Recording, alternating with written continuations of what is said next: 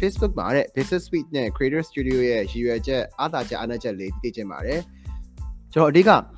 အာ Facebook ရဲ့အဲ့ဒီနှစ်ခုဟိုဘာနဲ့ခွဲလဲဆိုတော့နာမည်ထဲမှာတော့ကျွန်တော်ပါပါတယ်เนาะပြောရမယ်ဆိုလို့ရှိရင်ဒီ Business Suite နဲ့ Creator Studio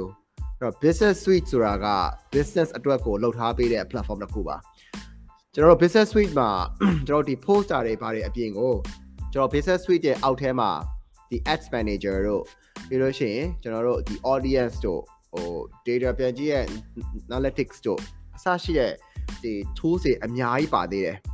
အာအဲ့ဒီဟာအပြင်ကိုကျွန်တော်တို့တခြားဒီ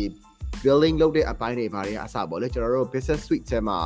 အာ Facebook ကကျွန်တော်တို့ထည့်ပေးထားတာပါ Matter ကကျွန်တော်တို့ထည့်ပေးထားတာပါ Creator Studio ကကြတော့ကျွန်တော်ဘယ်လိုမျိုး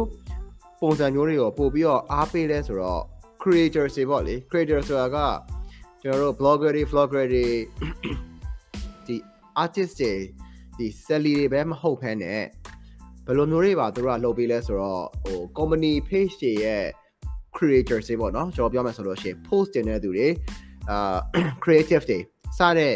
အာကျွန်တော်တို့ဒီ marketing သမားတွေ creative သမားတွေအတွက်ကိုဒီ create လုပ်ဖို့အတွက်ကိုပဲ creator studio မှာကျွန်တော်တို့ပြန်ပြီးတော့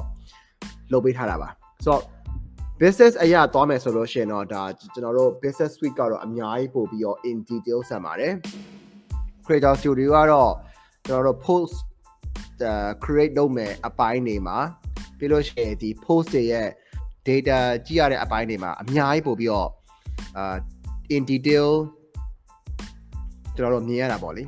ဆိုတော့ကြတော့အဲ့ဒီနှစ်ပိုင်းကျွန်တော်ကွာတာပါဟို post တွေ story တွေတင်တာလောက်ကိုပဲတော့ဒီနှစ်ခုကတော့အများကြီး ထူးထူးခြားခြားကွာသွားမယ်တော့မဟုတ်ဘူးပေါ့နော်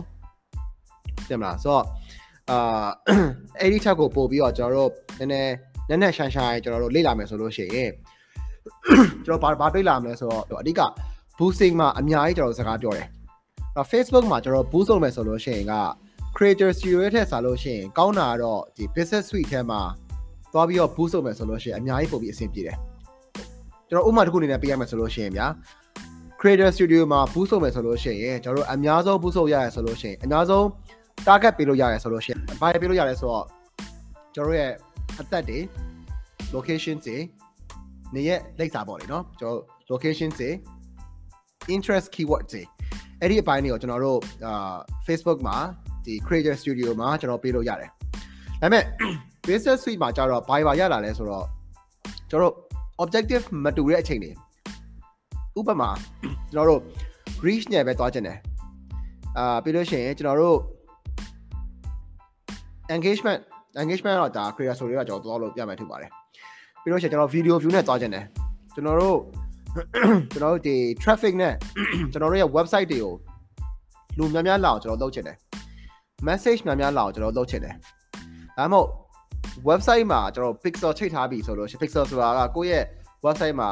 လာကြည့်ရတဲ့သူတွေကိုကျွန်တော်ကြော်ညာပြန်ပြတဲ့အပိုင်းတွေရှိတယ်အဲ့လိုမျိုးပုံစံမျိုးတွေဆိုလို့ရှိရင်လည်းဒါ website နဲ့ကျွန်တော် pixel ချိတ်လိုက်ပြီးတော့မှဈေးပိုရောင်းအားကောင်းအောင်ကျွန်တော်လုပ်လို့ရတဲ့အပိုင်းတွေရှိတယ်အဲ့တော့အဲ့ဒီဟာကကျွန်တော် boosting ကဒီ business suite ကအများကြီးပို့ပြီးကျွန်တော်အသေးစိတ်ကိုတွားလို့ရတယ် creator studio မှာကျတော့အဲ့လိုမဟုတ်ကျွန်တော်ဆော့ဆော့ပြောပြောသလိုပဲအကြမ်းချင်းသဘောလောက်ကိုပဲကျွန်တော်တွားလို့ရတယ်ပေါ့လေဆိုတော့ကျတော့အာတကယ် business တွေအတွက်ဥပမာ artist တွေကျွန်တော်အဆိုတော်တို့ရုပ်ရှင်မင်းသားတွေမင်းသမီးတွေပြီးလို့ရှိရင်ကျွန်တော်ဒီ bloggers တွေစတဲ့အာ artist တွေ creator တွေနဲ့လည်းစီးပွားရေးတစ်ခုအနေနဲ့သုံးလာမယ်ဆိုလို့ရှိရင်တော့ကျွန်တော်တို့ business suite ကိုကောင်းကောင်းသုံးမှုအတွက်ကိုပို့ပြီးတော့အားပေးချင်တယ်ဗျအဲ့လိုမဟုတ်ဘဲနဲ့ကိုက post တွေရုံလောက်ပဲ data လေးတွေဥပမာကိုယ့်ရဲ့ performance လေးပေါ့နော်ကျွန်တော်တို့ reach ဘယ်လောက်ရတယ်တို့ဥပမာ